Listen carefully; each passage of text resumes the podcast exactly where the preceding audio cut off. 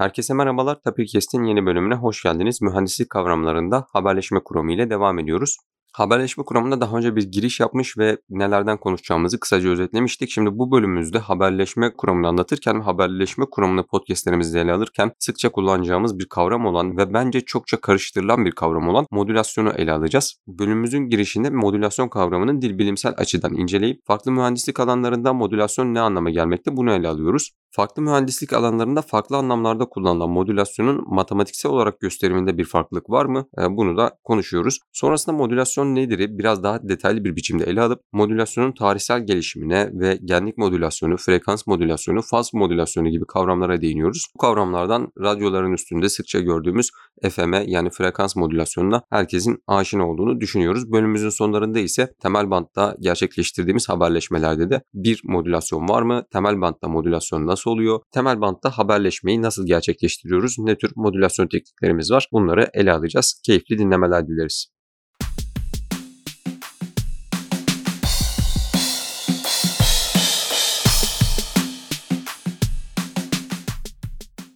Sen hocam hoş geldiniz. Hoş bulduk Halil. Hocam mühendislik kavramlarında haberleşme kurumuna bir giriş yapmıştık. İşaretler ve sistemlerle artık biraz ileri konularla haberleşme kuramının konularını podcastimizde beraber götüreceğiz. Çünkü işaretler ve sistemlerde artık değindiğimiz konuların pratik uygulamalarına girmeye çalıştığımızda mutlaka elektrik elektronik mühendisliğinde ve haberleşme alanında daha çok çalışmalarını yürüten insanlar olarak haberleşmeye girmemiz gerekiyor ve haberleşmedeki kavramları insanlara bir nebze de olsa açıklayabilmek amacıyla bu haberleşme kuramı serimize başlamış ve bir giriş yapmıştık. Şimdi düşündüğümüz zaman hocam sizinle podcast'ten önce bu konuyu konuşma fırsatım olmuştu. İnsanların genellikle karıştırdığı ya da öğrencilerin genellikle anlamakta zorluk çektiği ki e, ben kendi üstümden bir e, örnekle çıkmıştım ve diğer insanlarda da bunu gözlemlediğim için söylemiştim. Modülasyon denen bir kavram var ve biz modülasyonu artık yani isim gibi soy isim gibi yani bizim için çok sıradan bir kelime ve sürekli kullandığımız bir kelime. Ancak modülasyonu farklı derslerde farklı anlamlarda kullanıldığını da görüyoruz. Bu yüzden ben öncelikle modülasyon kavramının dil bilimsel olarak ve matematiksel olarak ve uygulama olarak kaç farklı anlamı var? Bunlar matematiksel olarak birbirinden farklılık gösteriyor mu yoksa aynı şeyler mi? Ya da dil bilimsel olarak biz farklı fenomenlere aynı ismi mi veriyoruz? Bunu size sorarak podcastimize başlamak istiyorum hocam.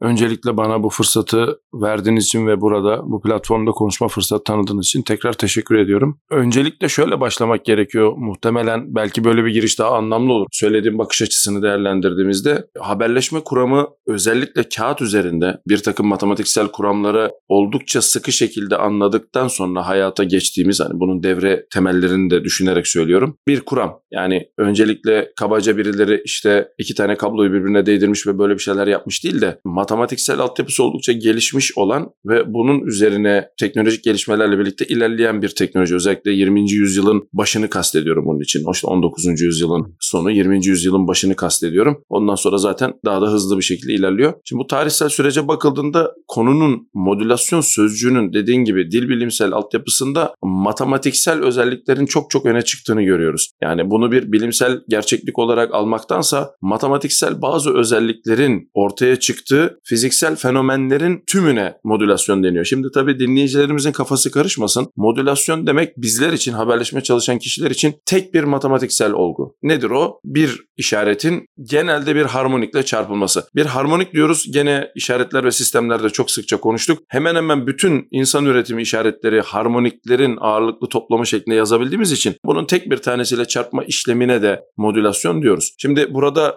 dil bilimsel açıdan şuna dikkat etmek gerekiyor. Neden bu matematiksel işleme modülasyon diyoruz da o zaman işte senin de bahsettiğin gibi ticari FM dediğimiz işte o frequency modulation yani o FM'in sonundaki M harfindeki modülasyon neden orada var? O zaman ne bu ne demek? Bu, bu tarz sorular tabii gündeme geliyor. E, hızlıca şöyle söylemek lazım. İçerisinde az önce söylediğim matematiksel işlemi devre tabanlı, devrenin dışında radyo frekanslarına çıkarak yüksek frekanslarda, alçak frekanslarda bir şekilde yapıyorsanız siz modülasyon yapıyorsunuz demektir. Biz haberleşmeciler olaya böyle bakarız. Ancak haberleşme çalışan insanlar o kadar artık birbirlerine özel alanlara ayrılmışlardır ki podcastlerin e, mutlaka içerisinde söz etmişizdir. Sadece anten çalışan kişiler yani sadece RF dediğimiz radyo frekansla ilgili çalışan kişiler, sadece temel band çalışan kişiler, hatta devre çalışan kişiler, mikrodalga çalışan kişiler modülasyonu kendilerine göre tanımlayıp içerisinde bu matematiksel öz bulunmak kaydıyla farklılaştırmışlardır diyebiliriz. Dolayısıyla hızlı yanıt şu oldu. Matematiksel olarak bir harmonikle çarpma işleminin olduğu bir işareti bir harmonikle ya da harmonikler ağırlıklarıyla toplamsal ağırlıklarla çarpma işlemine biz modülasyon diyoruz. Bunun özünde olduğu bütün işlemler aslında modülasyondur. Teknolojik farklılıklar yüzünden biraz da işte teknolojinin hızlı ilerlemesi yüzünden haberleşme alt alanlarında bu insanların bunları birbirinden farklı fenomenler için kullandığı düşünülebilir. Ancak teorik olarak bakıldığında bunların hepsi aynı şeydir diye başlayalım Halil.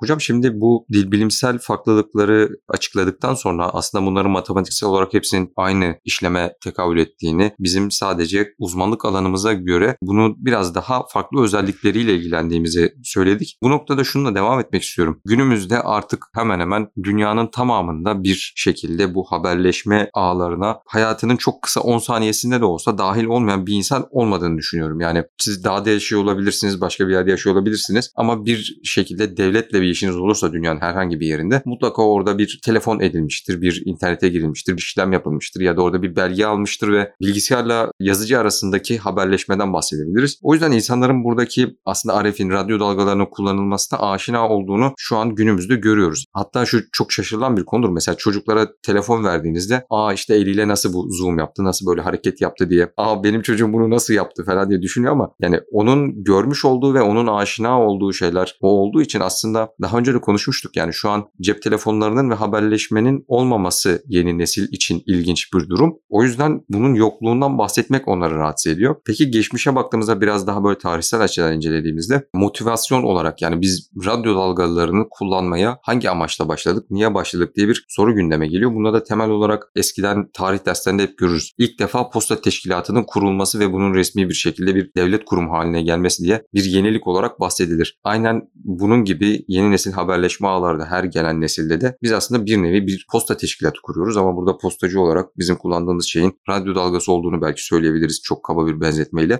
Yani temel olarak derdimiz bir noktadaki bir e, bilgiyi, bir noktadaki bir daha doğrusu bir varlığı, bir elimizdeki veriyi uzayda, zamanda, dünya üstündeki başka bir yere bir şekilde taşımak ve bunu taşımak için kullanabileceğimiz en uygun yöntemlerden biri biz hiç görmesek de yani gözümüzde hiç görmesek de radyo dalgaları olduğunu söyleyebiliriz diye kısaca bir motivasyonumuzun ne olduğunu anlatmak anlatmak istiyorum. Bu noktada bu gelişimi siz göz önüne aldığınızda hani ilk telgrafla başlıyor. İlk defa e, Marconi sanırım radyo yayın yapıyor. İşte Tesla'nın bir su botunu uzaktan kumandayla kontrol etmesi var. Ondan sonra zaten çok hızlı bir şekilde tarihsel süreç dediğiniz gibi 20. yüzyılın başından bugünlere kadar geliyor ve bugün neredeyse bir doktor haberleşme alanı kullanarak en çok verilen örnektir. Uzaktan ameliyat gerçekleştirebilecek kadar düşük gecikmelere ve hassasiyete, yüksek çözünürlüğe sahip diyebiliyoruz. Bu süreci sizin açınızdan sizin tecrübelerinize dayanarak ve sizin okumalarınıza dayanarak bir de sizden dinlemek ve öğrenmek isterim hocam.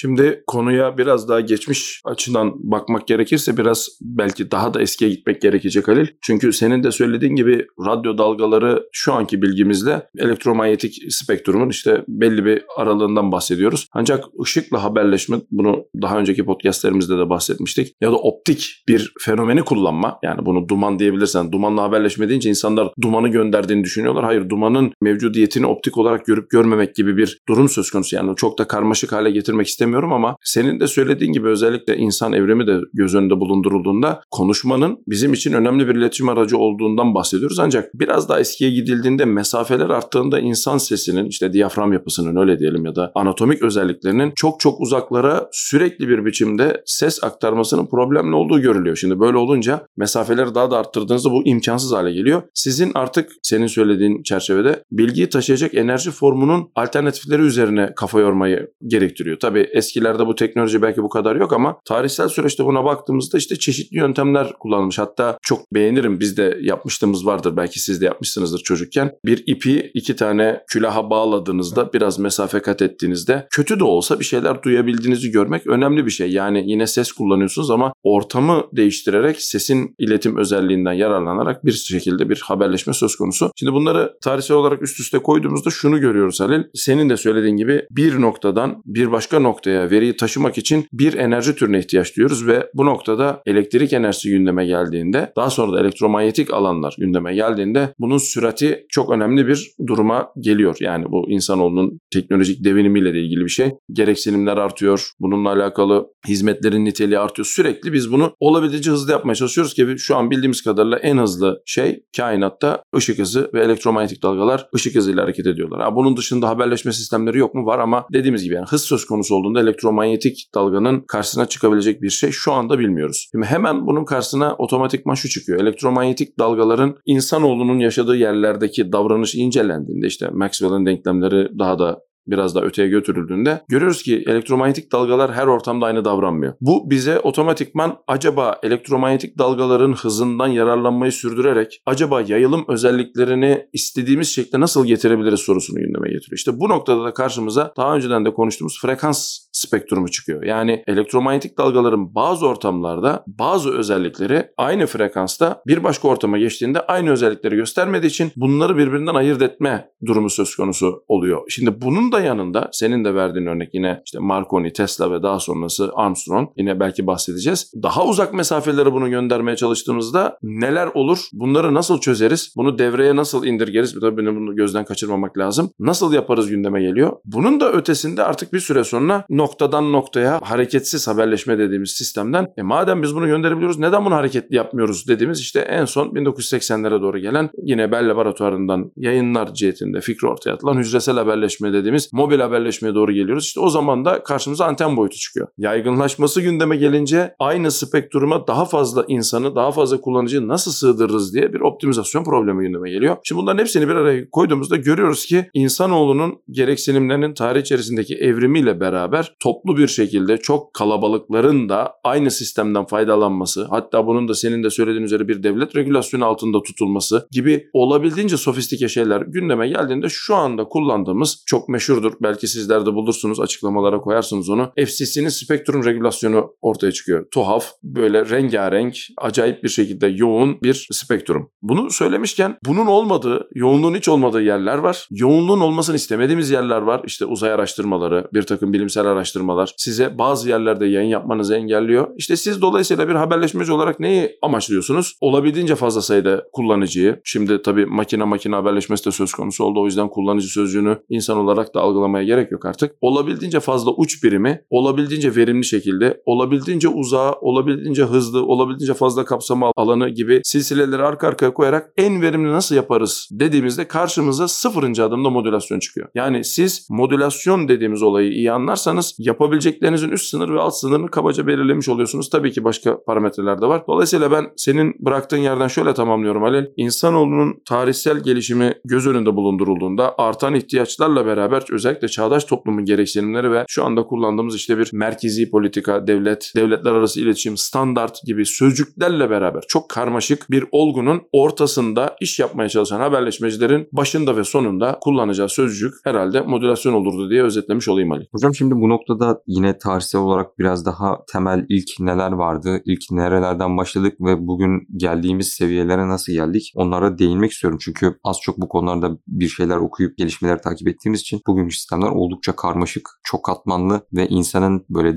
doğrudan o sistemlerden başlarsa anlamasının oldukça zor olduğunu düşünüyorum. E, O yüzden biraz daha temel taşları düşeyip üstüne yavaş yavaş koyarak ve gelişmeleri tarihsel süreçte aktararak gitmek daha uygun diye planladık bölümümüz için. Hocam haberleşme deyince tabii herkesin aklına telefonlar geliyor öncelikle ve telefon deyince de muhtemelen Graham Bell çağrışım yapıyordur. Her ne kadar orada çeşitli tartışmalar olsa da mucidinin kim olduğu konusunda insanlar anlaşamasa da Graham Bell'in aslında önemli bir icadı var. Bu önemli icat bir nevi ses ile ışığı modüle etmek. Yani ne demek istiyoruz? Şöyle düşünelim. Biz konuşurken ortamda sürekli mekanik bir dalga oluşuyor. Bu mekanik dalgadan ötürü etrafımızdaki nesneler titriyor. Bunu bir aynanın titreşimini düşündüğümüzde ve bu aynaya aslında günümüzde lazerle doğrudan daha kolay bir şekilde anlatmak mümkün olur. Hatta e, siz bunu laboratuvarda örneklemesini gerçekleştirip göstermiştiniz hocam. Yani biz konuşurken titreşen bir yüzeyin üstüne ışığı düşürüp bunun yansıdığı yerde titreşen ışığı aldığımızda çünkü ışık titreşen yüzeye düştüğünde onun ileri geri hareket hareketinden ötürü bir nevi bir şekilde modülasyona uğramış oluyor ve sesimizle ışığı modüle etmiş oluyoruz. Işığın çeşitli karakteristiklerini orada değiştirmiş oluyoruz. Bu Graham Bell'in aslında ilk icatlarından ve e, üstüne pek çok patent aldığı ve oldukça önemli olarak atfedilen e, icatlardan biri. Çünkü sadece haberleşme alanında değil okuduğumuz kadarıyla ışığın çeşitli materyaller üstüne düşürüldüğünde onun direncini değiştiriyor olması da önemli bir çıktı bu çalışmanın çıktısı ve burada önemli olarak belirtilen nokta buydu. Yani aslında biz ilk başta dediğiniz gibi mesela ip ve iki bardak örneğin üstüne. Graham Bell ilk başlarda ışığı kullanarak sesi iletmeye çalışmış. Ancak bunun çevresel faktörlere çok bağımlı olmasından ötürü pek tercih edilen bir yöntem olmadığını söyleyebiliriz. Bunun sonrasında biz radyo dalgalarını kullanmaya başladığımızda ilk olarak aklımıza gelen ve derslerde genelde anlatım sırasına göre genlik modülasyonu dediğimiz bir modülasyon var. Genlik modülasyonunda elimizdeki monokromatik aslında en basit verebileceğimiz işaretlerin yani tek bir frekansa sahip daha doğrusu bir harmoniyin genliğini değiştirerek bilgiyi karşı tarafa iletmek diyebiliriz. Sonrasında da frekansta bir değişiklik yaparak bilgi iletme ve fazla bir değişiklik yaparak bilgi iletme ortaya çıkıyor. Burada mecburen biraz matematiksel olarak bahsetmemiz gerekiyor. Bir kosinüsü, sinüsü, bir trigonometrik fonksiyon düşündüğümüzde kosinüs üstünden gidersek bir parantezin içinde değiştirebileceğimiz çeşitli parametreler var. Bir de parantezin dışı var. Parantezin dışındaki parametreyi değiştirdiğimizde genlik modülasyonu yapmış oluyoruz. O kosinüsün en fazla en düşük hangi değerleri alabileceğini değiştirebiliyoruz. Parantez içinde ise frekansı ve fazı değiştirebiliyoruz. Ancak frekans ve faz da birbirleriyle parantez içinde doğrudan ilişkili olduğu için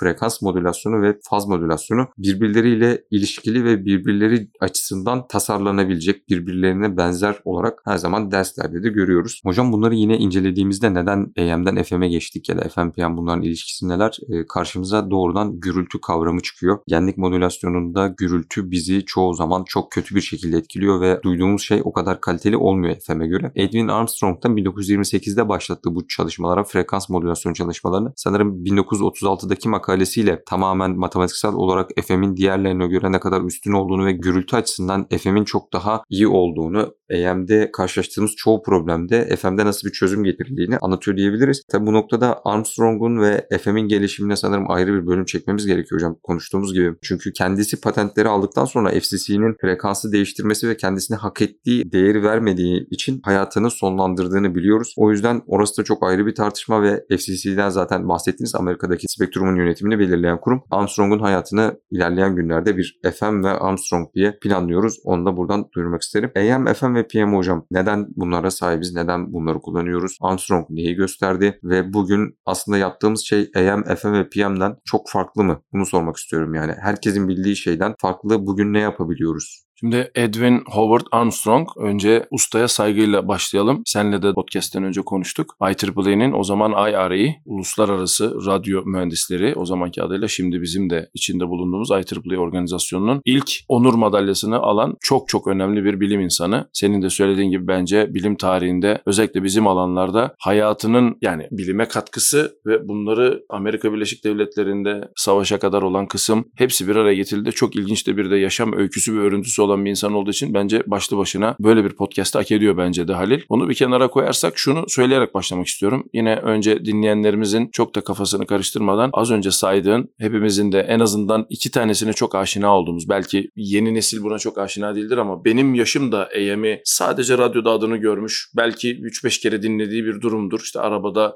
hala varsa arabanızda işte açıyorsunuz işte kısa dalga orta dalga dediğiniz yerlerde karşılaştığınız bir teknoloji ama FM'e hemen hemen herkes herhalde aşinadır diye düşünüyorum. Şimdi burada söylemek istediğim şu Halil. Az önce sözünü ettiğin, senin de söylediğin yani bir sinusoidin temel olarak tanımlayan 3 tane parametresi var. Bunun genliği, bunun frekansı ve bunun fazı. Hatta senin de söylediğin gibi belki de bu tasnifi de yapmamız lazım. Parantez içi ve parantez dışı dediğimizde genlik parantez dışında kalan, frekans ve faz da parantez içinde kalan hatta frekans ve fazı düzgün tanımlamak zorunda olduğumuz bir de durum söz konusu. Şimdi haberleşme kuramı şunu öngörüyor aslında sen de öyle söyledin. Shannon'a kadar geldiğimizde de benzer bir örüntüyü görüyoruz. Çünkü senin sorun bunu da içeriyordu. Yani şu an yaptıklarımızın nesi farklı? Önce aynı olanlarından bahsedelim. Önce aynı olan şu. Elinizde bir referans var, bir metre var, bir ölçü var. Bu ölçüyü nasıl değiştiriyorsanız bilgi o değiştirmeyle ilgili kısım. Yani iki tarafta bunun ne olduğunu biliyor. Biraz oynatırsanız o oynatma miktarı bilgiyi taşıyor. Ama metreyi alıp versek birbirimize hiç değiştirmeden e, bu bir bilgi taşımıyor. Yani birisi size sürekli hiçbir konuşmanın olmadığı bir FM yayını dinletse hoparlörden bir şey duymazsınız. Neden? Aslında orada bir yayın var. Yani bir elektromanyetik iletişim oluyor o sırada. Ancak bilgi taşımıyor. Şimdi bu bilgi taşıma kısmı işte az önce senin verdiğin örnekte o matematiksel nesnenin parametrelerini değiştirmeye tekabül ediyor. Yani genliğini değiştirirseniz çok kabaca buna genlik modülasyonu AM dediğimiz işte o benim de zor yetiştiğim hatırladığım kısım. Frekansı değiştirirseniz buna frekans modülasyonu FM şu an hala 88-108 arasında işte XFM, YFM dediğimiz ve birbirlerine ait frekansları kullanan teknoloji en çok kullanılanlardan bir tanesi olduğu için bunu söylüyorum. Ya da bunun türevi olan, kardeşi olan, kuzeni olan faz modülasyonu var. Faz modülasyonu nispeten çok daha az görüyoruz. Ancak bu ikisinin hemen hemen aynı matematiksel nesne olduğunu söylediğimiz için parantez içi teknolojiler ve parantez dışı teknolojiler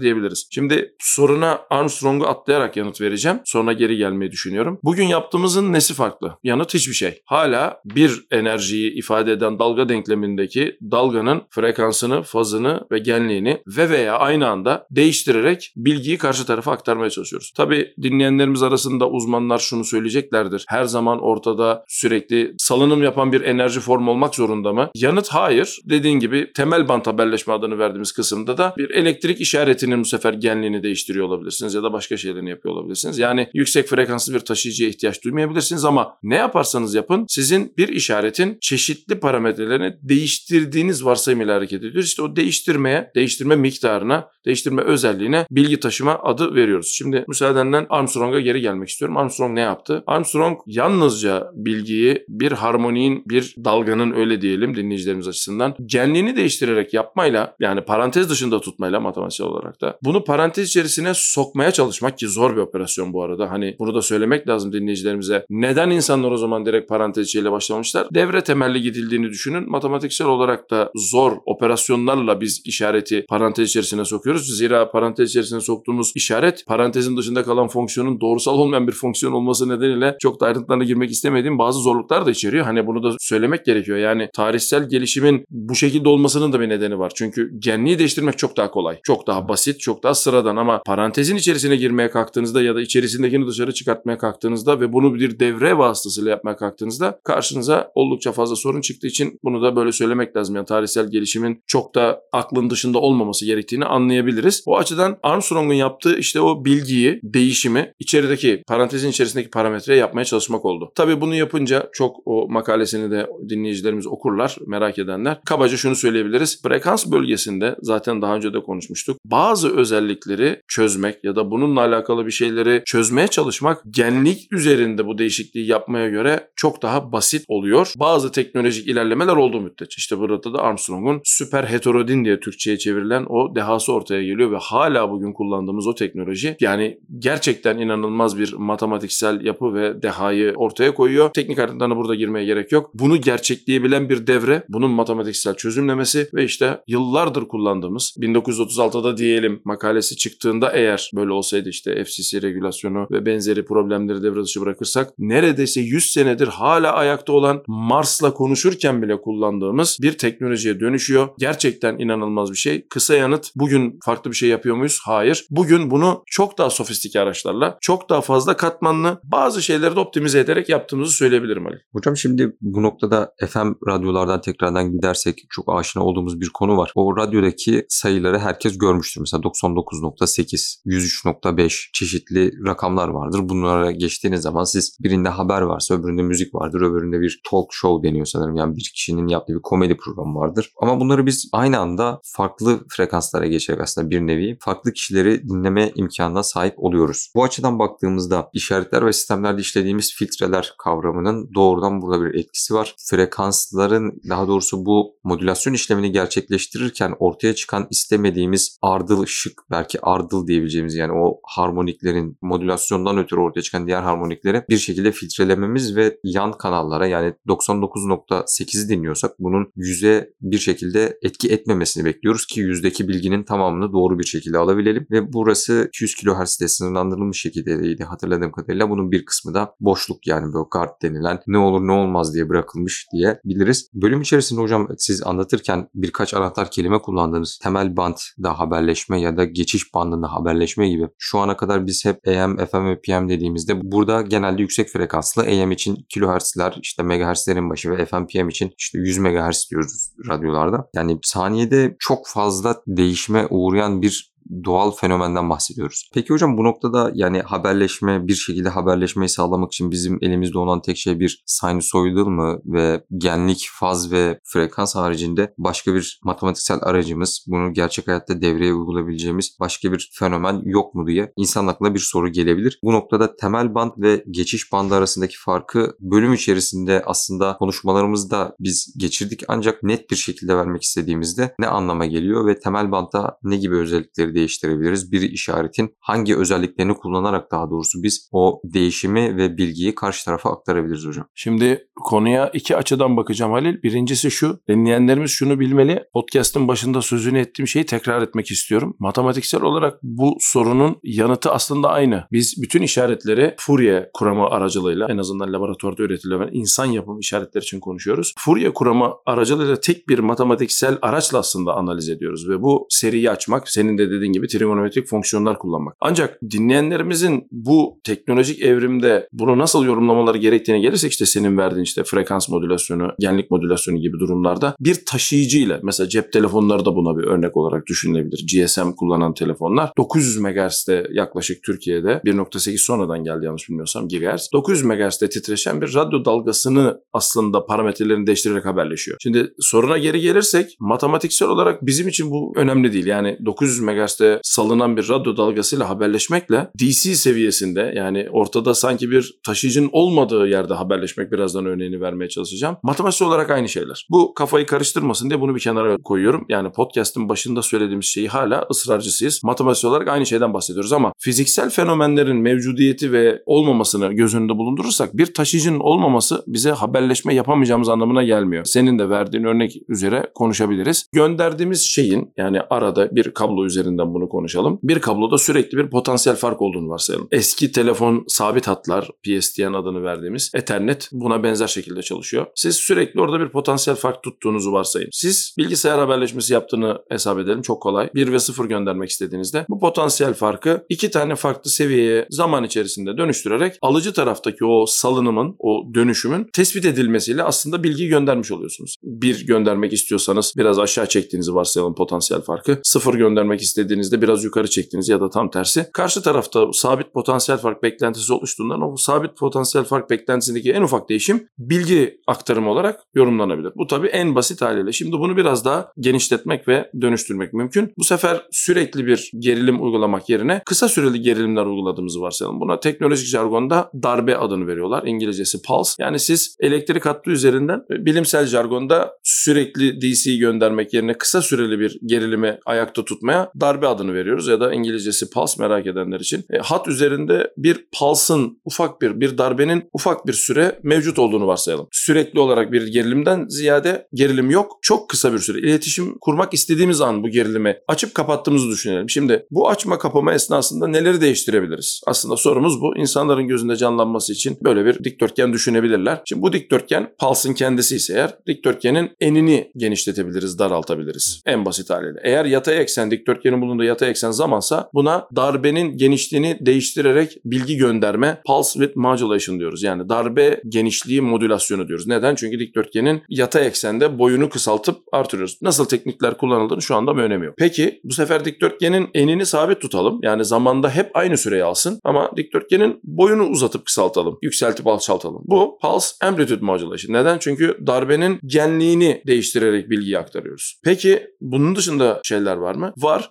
Darbenin genliğini artırıp azaltırken kullandığımız ikili sayılar söz konusuysa oraya bir tane C harfi geliyor. Pulse Code Modulation diyorlar. Bu bir sıkıştırma yöntemi aslında ama bir taraftan da bir modülasyon yöntemi olarak algılandığı için burada zikrettim. Bunun dışında peki modülasyon yöntemleri var mı? Var. Az önce senle de konuştuk. Pulse'ın yani dikdörtgenin zamanda nerede olacağına karar vererek de bir modülasyon yapabiliriz. Biraz daha sofistike bir yöntem ama bu da mümkün. Buna da Pulse Position Modulation diyorlar. Yani darbenin zaman eksenini gerektiğinde ona verilen aralıkta nerede olduğuna bakarak alıcının bilgiyi tespit ettiği durum. Ve gördüğünüz üzere yani aynı şeyi sadece bir pulse'ı, pulse'ın parametrelerini değiştirerek de yapmak mümkün. Ama tekrar ediyorum matematiksel olarak bir taşıyıcı üzerinde bilgi aktarmayla bir pulse'la bir darbeyle bilgiyi aktarmak matematiksel olarak aynı şekilde muamele görür. Çünkü bunlar birbirinin hemen hemen aynısıdır. Bir darbede birden fazla harmonikten oluşur zira merak edenler için. Dolayısıyla temel band denilen şey aslında hemen hemen buna karşılık gelir. Tabi tam olarak bu mudur? Hayır. Tam olarak bu da değildir. Biz temel band haberleşmede hiçbir yüksek frekanslı bileşenin olmadığı durumdan bahsederiz. Yani yalnızca bilginin taşıdığı band genişliğindeki hesaplamalara biz temel band diyoruz. Çünkü az önce sözünü ettiğim pulse'ın, darbenin kendisine ait bir band genişliği var. Bu band genişliği içerisine düşen bilginin davranışına biz temel band diyoruz. Dolayısıyla bu ikisi arasındaki ayrımı iyi yapmak lazım. Ancak dinleyenlerimiz açısından söylemek mümkündür ki e, matematiksel olarak aynı şey olmakla beraber fiziksel olarak ortada sürekli salınan bir fenomenin olması ya da olmaması hiçbir şey ifade etmez haberleşme kuramının matematiği açısından. Hocam bugün katıldığınız ve bilgilerinizi bizle paylaştığınız için teşekkür ederiz. Şimdi kısaca bölümümüzü özetlemek istiyorum. İlk başta dil bilimsel olarak modülasyon ne anlama geliyor? Farklı alanlarda çalışan farklı kişiler modülasyon kelimesini kullanıyor ancak bu ne demek? Yani bunu matematiksel olarak tanımladığımızda birbirinden farklı şeyler mi? Bunu sormuştuk. Bunun matematiksel olarak hepsinin aynı olduğunu sadece uzmanlık alanımıza göre ilgilendiğimiz tarafının farklı olduğundan bahsettik. Sonrasında neden modülasyon diye bir şey var? Bunun motivasyon ne? Yani biz böyle bir şeye böyle karmaşık bir sisteme neden ihtiyaç duyuyoruz ve ne gibi faydaları var? Bunlara değinip geçmişte